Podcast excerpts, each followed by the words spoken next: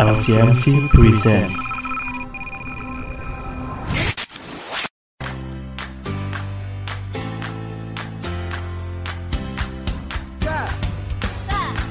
Vlog Kabar terbaru dari library lo guys Hai UC People, selamat datang di Katalog, kabar terbaru dari Library Roh guys. Yo yo yo, what's up? Apa kaps? Apa kaps? Oh, ini bukan yang itu ya? Oh, bukan ya. bukan, bukan, bukan. Salam sehat, salam semangat UC People. Salam semangat. Wah, Roland semangat sekali hari ini. Apa Ya, kabar nih? Luar biasa. Luar Fantastis. biasa, yes, yes, yes. Yes, yes, yes. Kita kayak buat yel-yel mau Ya, ada yel-yelnya. Uh, Biar hari semangat, ini Pak. kita akan berusaha untuk memberikan aura positif nih buat semua pendengar podcast Katalog. Semoga Hmm. energi positif juga menyebar ke seluruh penjuru dunia ya, Roland ya. Yap. Asalkan jangan positif COVID, isi Wah, itu jangan, Pak. itu parah, Jangan. parah sih. Jangan. Nah, di bulan Februari ini selain kita merayakan Valentine, ya. Pak Tito merayakan nggak Valentine? Saya masih sendiri, tapi saya mem- men- menebar kasih sayang ke saudara-saudara.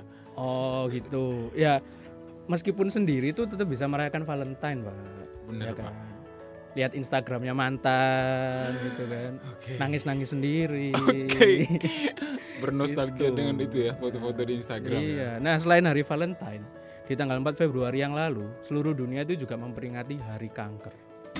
kabar terbaru dari library lo guys. Nah, buat seseorang yang di kanker, eh difonis sorry, buat seseorang yang difonis sakit kanker nih, hidupnya itu terasa eh, tidak ada harapan di people. Hmm. Eh, selain sakit secara fisik, mental seseorang yang difonis kanker pasti terganggu. Penyakit ini tidak memilih eh, siapa akan yang yang akan menjadi korban. Meskipun kita ini kaya, banyak uang, uang yang kita punya tidak bisa menghilangkan kanker seketika itu juga. Benar bahwa kita bisa memperoleh treatment yang baik dengan uang yang kita punya. Tapi bagaimana dengan rasa takut yang muncul setelah didiagnosa kalau kita tuh ada kanker oleh dokter. Sayangnya ketakutan itu harus ditangani sendiri sama penderitanya. Nah saat ini eh, sudah ada bersama kita eh, narasumber yang dulunya pernah kena Hmm. kanker nih. Survivor ya. Iya. ya. Buat juicy people yang punya keluarga yang sedang mengidap kanker, ternyata pengidap kanker bisa sembuh gitu. Jadi bukan yang eh, dunia udah kiamat gitu, bukan pak. Masih bisa Bukan, sembuh. Masih ada bisa harapan see Eh, people. Kalau udah terdeteksi sejak awal, apalagi dan segera mendapat perawatan gitu kan, itu Hmm, eh, kemungkinan untuk sembuhnya lebih besar. amin. Kali ini kita udah bersama salah satu survivor dari cancer. Eh, gimana sih perjuangannya dia ini untuk melawan cancer dan akhirnya dinyatakan sembuh oleh dokter. Wah luar biasa puji Tuhan ini ya. Dia akan berbagi cerita dan harapan buat teman-teman mungkin yang eh, menderita kanker juga atau ada keluarganya yang menderita kanker. Kita langsung dengerin aja cerita dari orang ini.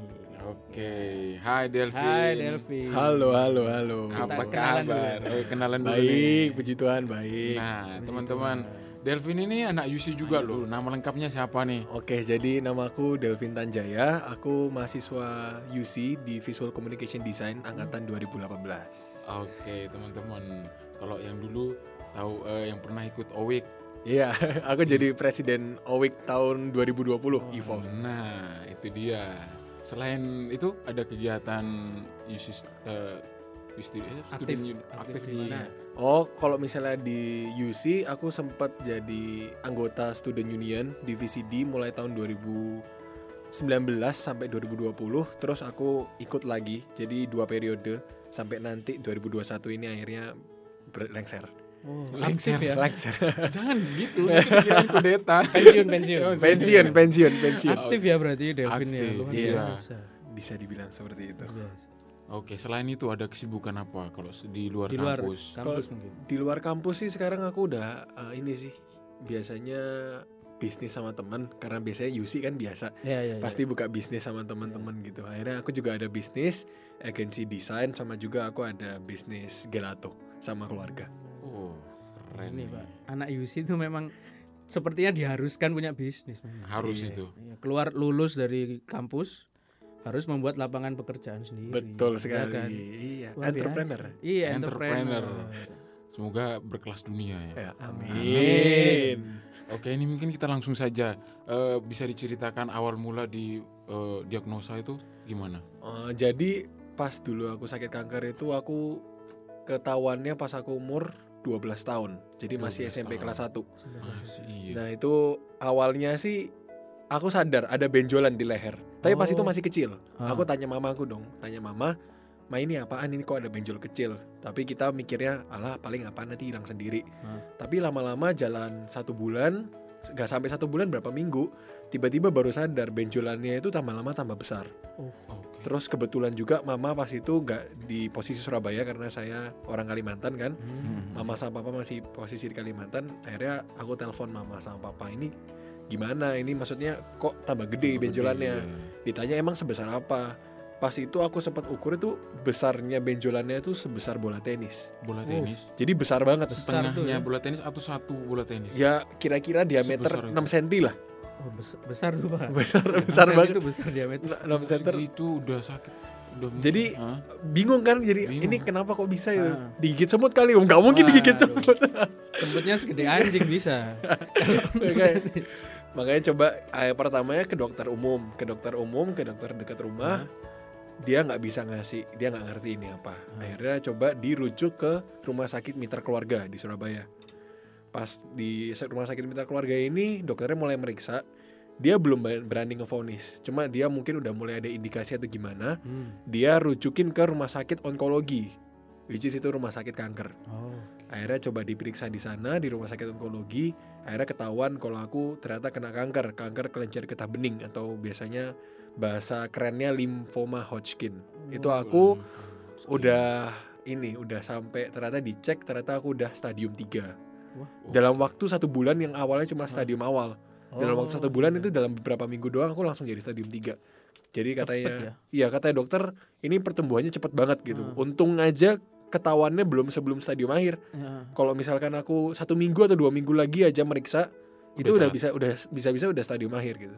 Jadi lebih sulit di ini ya gitu sih. Jadi cerita awalnya gara-gara gara-gara sadar ada benjolan situ di leher.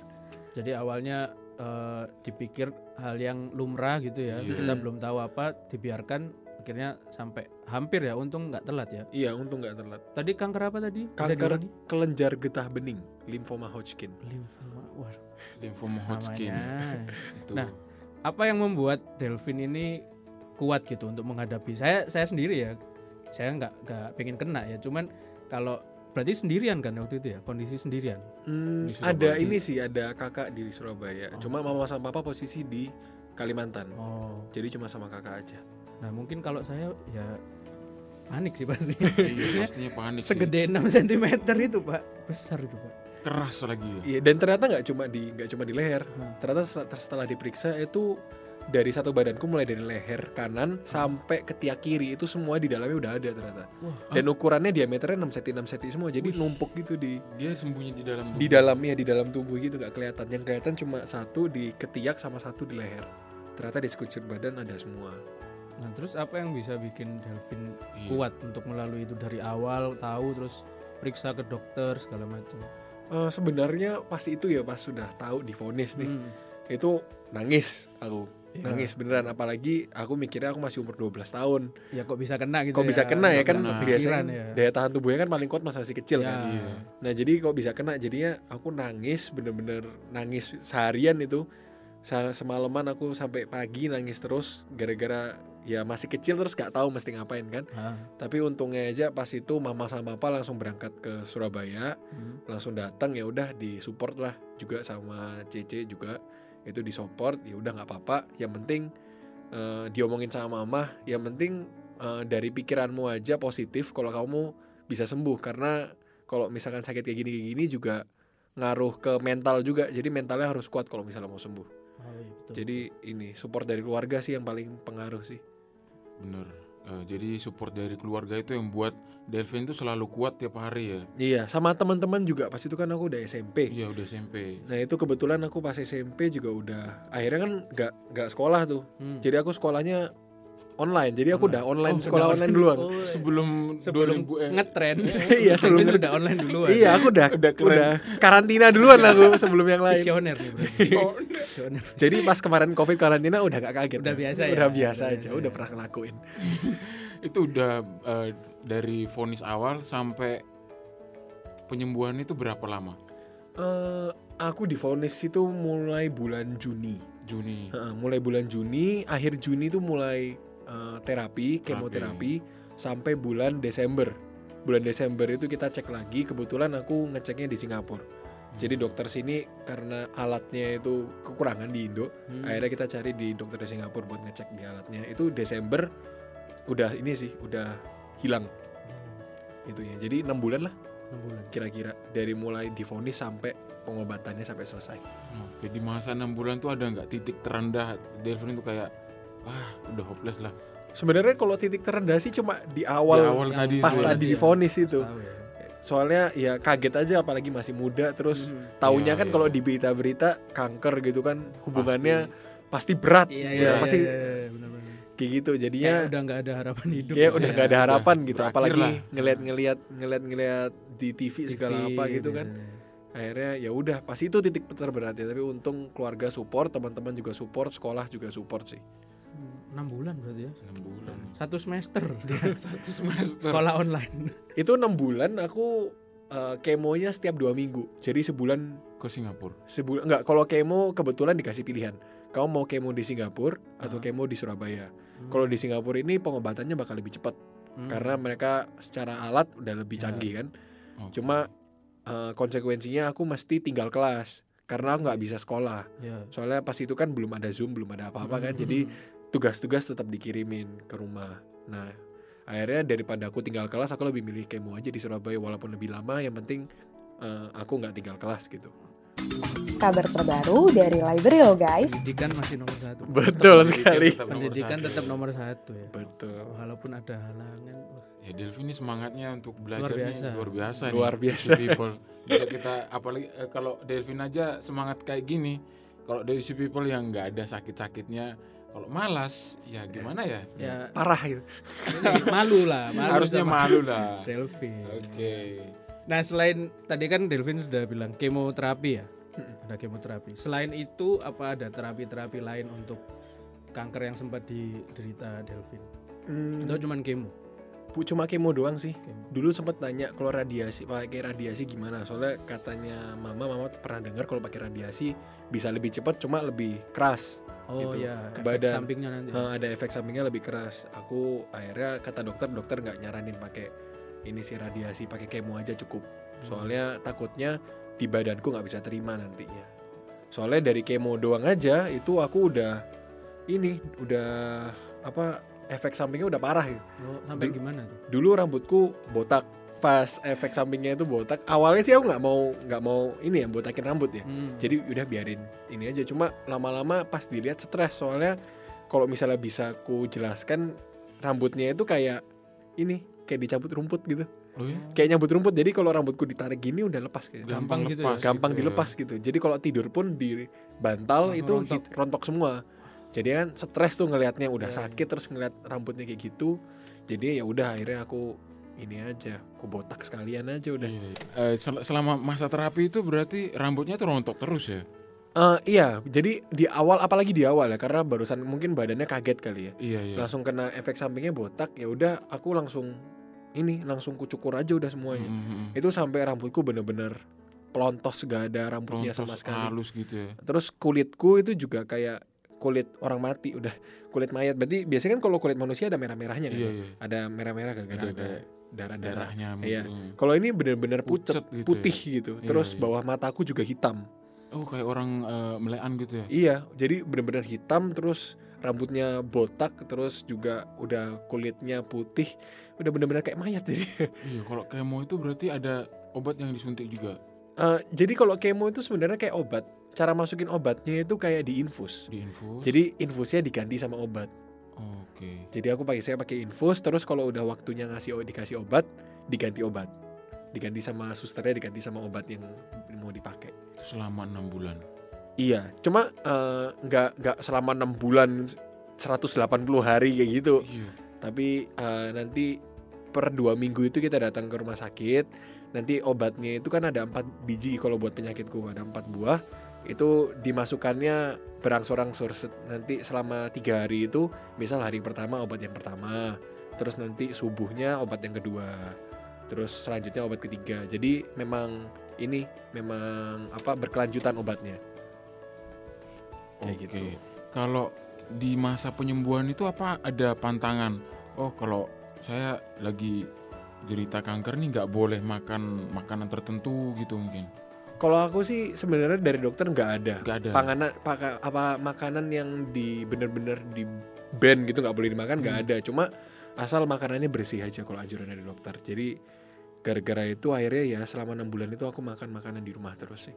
Jadi jarang makan keluar gitu. Keluar rumah aja jarang. Gitu. Kalau misalkan mau keluar rumah harus pakai topi, kacamata hitam, masker, baju panjang, celana panjang segala apa semua harus tertutup.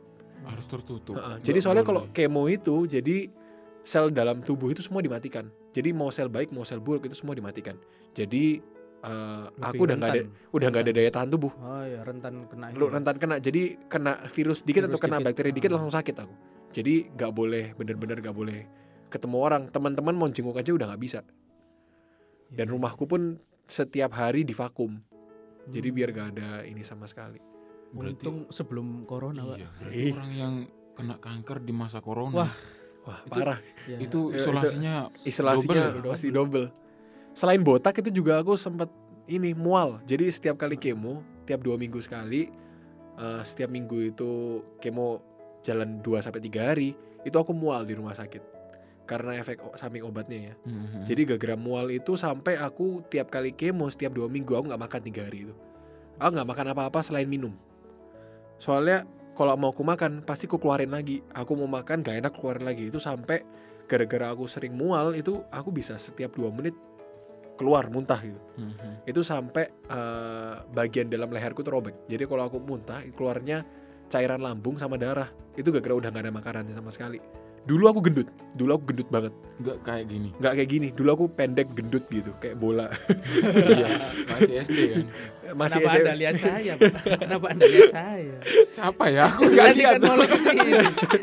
Berapa kilo paling gendut waktu Pas itu? itu dulu aku tinggi cuma 155 atau 150 gitu, beratku 80 kilo. Terus gara-gara eh, gara-gara aku udah karena mual terus kan ya. Hmm. Jadi keluar terus terus kan nafsu makan juga. Itu sampai turun 12 15 kilo gitu. itu karena faktor terapi tadi ya Iya, gara-gara efek sampingnya mual gitu. Jadi mungkin kalau mau program pengurusan badan Wah, Ya, jangan, jangan, jangan, jangan, jangan. jangan, jangan, jangan. bahaya Saya gemuk juga, cuman nggak gitu. Konsepnya nggak gitu kayaknya ya. pengen kurus tapi nggak gitu Nggak Iya, nggak gitu, jangan. Jangan.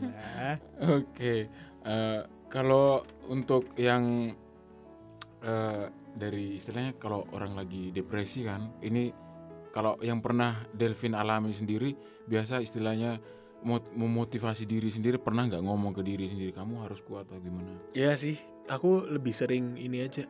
Maksudnya lebih sering doa juga. Doa ya benar. Doa. Jadi eh, pas itu juga mama sempat ngajak pergi ke Malang itu jadi kayak ada namanya Suster Karmel. Oh iya suster, benar. suster, suster Karmel itu dia susternya itu di sini dia bener-bener dikunci di satu tempat jadi dia nggak bisa keluar Di pertapaan itu. di kan? pertapaan jadi kerjanya cuma doa kebetulan aku agamanya Katolik Iya. nah itu dia kerjanya cuma doa di sana ada temennya dari mama nyaranin udah coba doa ke sana aja akhirnya minta doa ke sana didoain terus aku juga tiap hari doa juga kayak minta kekuatan lah sama dari diriku sendiri juga aku ngomong intinya sebenarnya kalau misalkan mau sembuh dari penyakit ini selain dari pengobatan sih dari ini ya dari mentalnya dari dalam dirinya juga mesti optimis Hmm. jadi aku tiap hari ngomong kayak aku bisa sembuh dari ini, aku bisa kuat gitu. Jadi ya itu itu yang kata-kata yang kuulang terus tiap kali aku kemo, tiap kali aku di rumah nggak ketemu siapa-siapa atau gimana jalani pengobatan, aku mesti ngomong kalau misalkan aku ini kuat dan ini bisa sembuhin aku. Kayak penyakit ini nih nggak mungkin bisa bikin aku lebih rendah lagi gitu. Pokoknya kita itu. punya Tuhan yang Iya. lebih kuat dari penyakit ini. Iya. Amin. Betul. Amin. Tuhan. Kok jadi rohani gini? Iya, saya besok langsung sekolah pendeta ini. Amin. Betul, Pak. Oke oke. Setelah sembuh, apakah pernah ikut ada kegiatan charity gitu untuk menyemangati teman-teman yang sedang kena kanker? Kalau misalkan ikut bener-bener charity event gitu sebenarnya aku nggak pernah sih. Nggak Cuma pernah. eh, yang pernah itu dulu pas aku sakit dari keluarga sendiri datang ke panti asuhan panti asuhan buat ini buat apa? Buat ya melakukan charity lah. Iya, Tapi iya. aku nggak ikut pas itu. Mm-mm. Jadi pas selama aku pengobatan ada keluarga yang coba pergi ke panti asuhan panti asuhan gitu sambil ngebagi-bagi barang lah anggapannya ini juga sebagai bentuk balas kasihnya kita Iya, ya dari keluarga. Cuma aku gak ikut terlibat secara langsung karena itu masih pengobatan juga pas itu aku. Jadi ya orang tua sih yang ngatur. Eh, Delvin kan sekarang udah sehat ya, puji Tuhan gitu. ya. Nah, apakah pernah ada kegiatan edukasi yang dilakukan buat eh, teman-teman survivor cancer yang lain? Atau mungkin Delvin bergabung organisasi apa gitu? Hmm, kalau bergabung organisasi sih gara-gara dulu masih kecil ya, jadi aku nggak pernah Iya. kepikiran Oh, gitu. iya, iya, iya. Aku masih Belum kecil ya. nggak pernah kepikiran buat gabung organisasi. Cuma biasanya kalau misalkan di rumah sakit Hmm. itu kan eh, aku kebetulan di rumah sakit RKZ di Surabaya. Oh, Oke. Itu ada satu bagian isinya semuanya penderita kanker, masih anak-anak semua. Hmm. Itu ditempatkan jadi satu. Itu kebetulan juga ada anak-anak yang sekitar seumuran aku yang juga kena sakit. Itu sebenarnya kita di sana sih kebanyakan aku ini sih ngajak main terus ngajak ngasih semangat lah kayak Oh.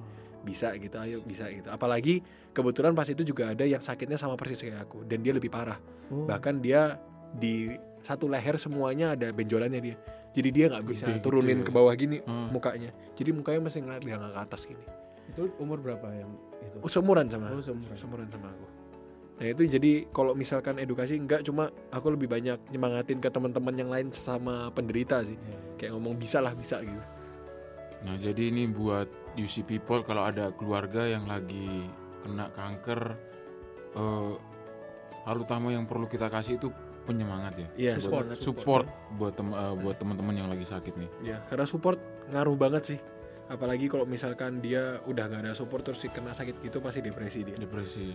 pasti kena ke mentalnya jadi salah satu yang bisa kita bantu kalau misalkan ada keluarga atau temen ya dikasih semangat dikasih moral support lah Hmm. Jadi biar dia kuat gitu Ya sama kayak ini ya, COVID sekarang kan. iya Penderita-penderita COVID kan Iya, sama kayak aja. gitu juga. Heeh. Mental juga mental penting banget. Apa? Motivasi, motivasi, Motivasi dari dari Delvin nih. Terakhir Eh, sebagai penutup. ini terutama buat penyakit kanker dan sekarang lagi covid, ya COVID ya, Heeh. banget. menurutku aku mau ngasih pesan aja kalau misalkan sampai kalian terdiagnosa dengan penyakit seperti ini Hmm. itu kalian semangat aja yang kuat tanamkan dalam diri ngomong kalau kita pasti sembuh kita pasti bisa.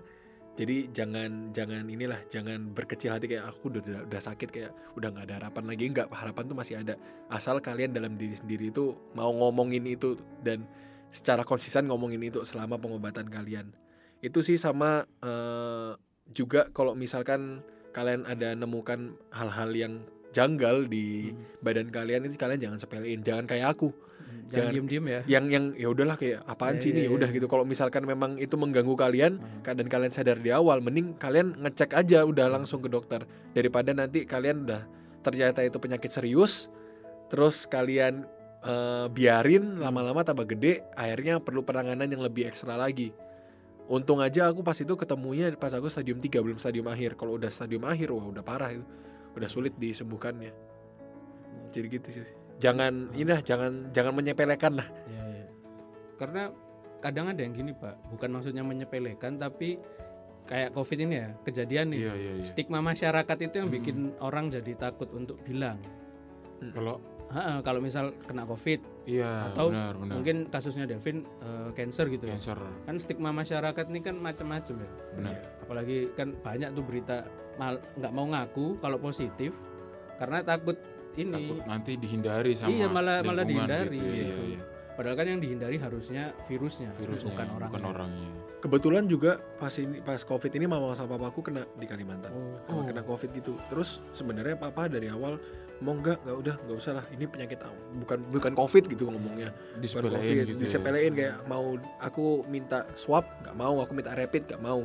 Ya aku ngomong kayak ya ya nggak bisa gitu gitu. Papa soalnya juga mikirnya takut takut ini kan di sana kota kecil kan ya di iya benar. Kota kecil di Kalimantan dan dia ngomongnya takut merepotkan teman-temannya yang lain atau Ah. takut semuanya tahu. Nah, tapi aku balik lagi ngomong kalau misalkan ini beneran Covid, keburu nanti udah parah, Nah, nanti nggak bisa ditangani, Betul. malah tambah repot. Yang mending cek sekarang, orang-orang tahu nggak apa-apa. Hmm. Yang penting bisa ditangani secepatnya gitu. kitanya sembuh Iya, bisa sembuh. Ya. Apalagi kan bagus juga kalau misalnya ketahuan dari awal. Jadi kalau nanti tiba-tiba ada orang datang ke rumah tanpa tambah diundang, tahu ya. tambah Iya. tambah kalau nggak tahu malah kena Benar, nyebarnya kan tambah nyebar. tambah nyebar jadi ya ya jangan nyepelein lah kalau misalkan ada gejala-gejala seperti itu nah ini mungkin dari Roland sendiri nih buat teman-teman yang lagi sakit kanker dan covid nih kita sekalian aja nih buat semangatin mereka gimana Ya sama sih sebenarnya kurang lebih. Cuman kalau saya kan ya puji Tuhannya nggak cancer, tapi saya alumni COVID gitu pak. Saya kan alumni COVID kemarin sempat kena. Jadi ya benar tadi kata Delvin sebenarnya nggak perlu eh, oke lah stigma di masyarakat bahkan mungkin di satu rumah sendiri keluarga sendiri tuh kadang eh, gini jangan bilang-bilang udah jangan bilang-bilang gitu. Iya, iya. Mungkin maksudnya adalah supaya tidak menyebar kepanikan. Mungkin maksudnya itu, tapi eh, menurutku sih kurang pas. Karena mending kita tahu duluan, kita cek langsung cek. Yang paling akurat cek cek apa ya kita cek itu. Setelah itu kalau positif ya lakukan tindakan yang sudah dianjurkan dokter, misal isolasi mandiri atau eh, cuci tangan yang rajin, alat makan dipisah itu harus dilakukan. Jadi nggak nggak perlu apa ya kalau kalau saya sih cenderung bodoh amat ya, maksudnya sama stigma orang. Iya karena kita kan dengan seperti itu melakukan Dengan kondisi, pencegahan, iya. nah, melakukan inisiatif seperti itu satu menyelamatkan diri kita pasti karena cepat ditangani. Tapi yang lebih penting kan kita juga menyelamatkan orang lain, Iya, orang betul. sekitar lah yang Mm-mm. malah yang paling deket kan keluarga. Satu rumah ini kan repot kalau kita diem-diem ternyata parah kan. Gitu. Hmm, kalau dari saya sendiri sih buat yang lagi kena covid nih ya eh, benar kata Roland eh, jangan hiraukan orang hiraukan dulu diri sendiri Benar. fokus buat penyembuhan semangati diri sendiri dulu kalau kita sendiri sembuh kan otomatis yang lain nggak kena kan Mm-mm. Nah, buat teman-teman yang lagi kena kanker di mana pun kalian berada siapa pun kalian eh, saya mewakili teman-teman yang di sini cuma mau bilang kita sayang kalian kalian pasti bisa sembuh amin Amin. Pasti, pasti dan harus. harus harus sembuh Pasti dan harus. Nah, UC People, eh, yang paling mengerti tubuh kita nih diri kita sendiri UC People. Kalau ada gejala apa pun sedikit pun seperti tadi yang sudah disampaikan sama Delvin, itu langsung segera ke dokter buat konsultasi. benar. Iya. Apalagi kan sekarang konsultasi-konsultasi ke dokter itu udah dimudahkan iya Iya, dengan adanya teknologi kan. Mm. Iya. Jadi nggak usah repot-repot, nggak usah takut-takut ya. Langsung cari yang paling bisa dijangkau lah. Benar. Itu. Jangan malu. Betul. Oke. Oke. Oke. Nah, UC People tadi kita udah dengerin pengalaman yang dilalui oleh Delvin untuk melawan kankernya dan akhirnya puji Tuhan sembuh ya. Pak. Amin. Selain mengkonsumsi obat dan berbagai terapi, tadi salah satunya ada kemoterapi, seorang penderita kanker juga harus selalu semangat ya, karena Benar. mental itu juga penting untuk Mental kesembuhan. ya. Supaya mereka selalu semangat, wajib hukumnya buat eh, yang sembuh atau yang tidak terkena kanker ini saling support lah, ini. Benar. Saling memberi dukungan. Untuk UC People yang tergerak untuk memberikan dukungan kepada teman-teman penyintas kanker, mungkin wajib membaca buku-buku ini yang Benar. akan disharingkan oleh Pak Tito. Nah, yang pertama ini ada buku yang berjudul The Cancer Book. Itu serial dari Chicken Soup for the Soul. Itu karangan eh, tulisannya Jack Canfield dan teman-teman. Kalau teman-teman mau pinjam bukunya, silakan nanti cari eh, call numbernya 810 titik 8020 3620 96 994 CHI panjang banget. Panjang ya.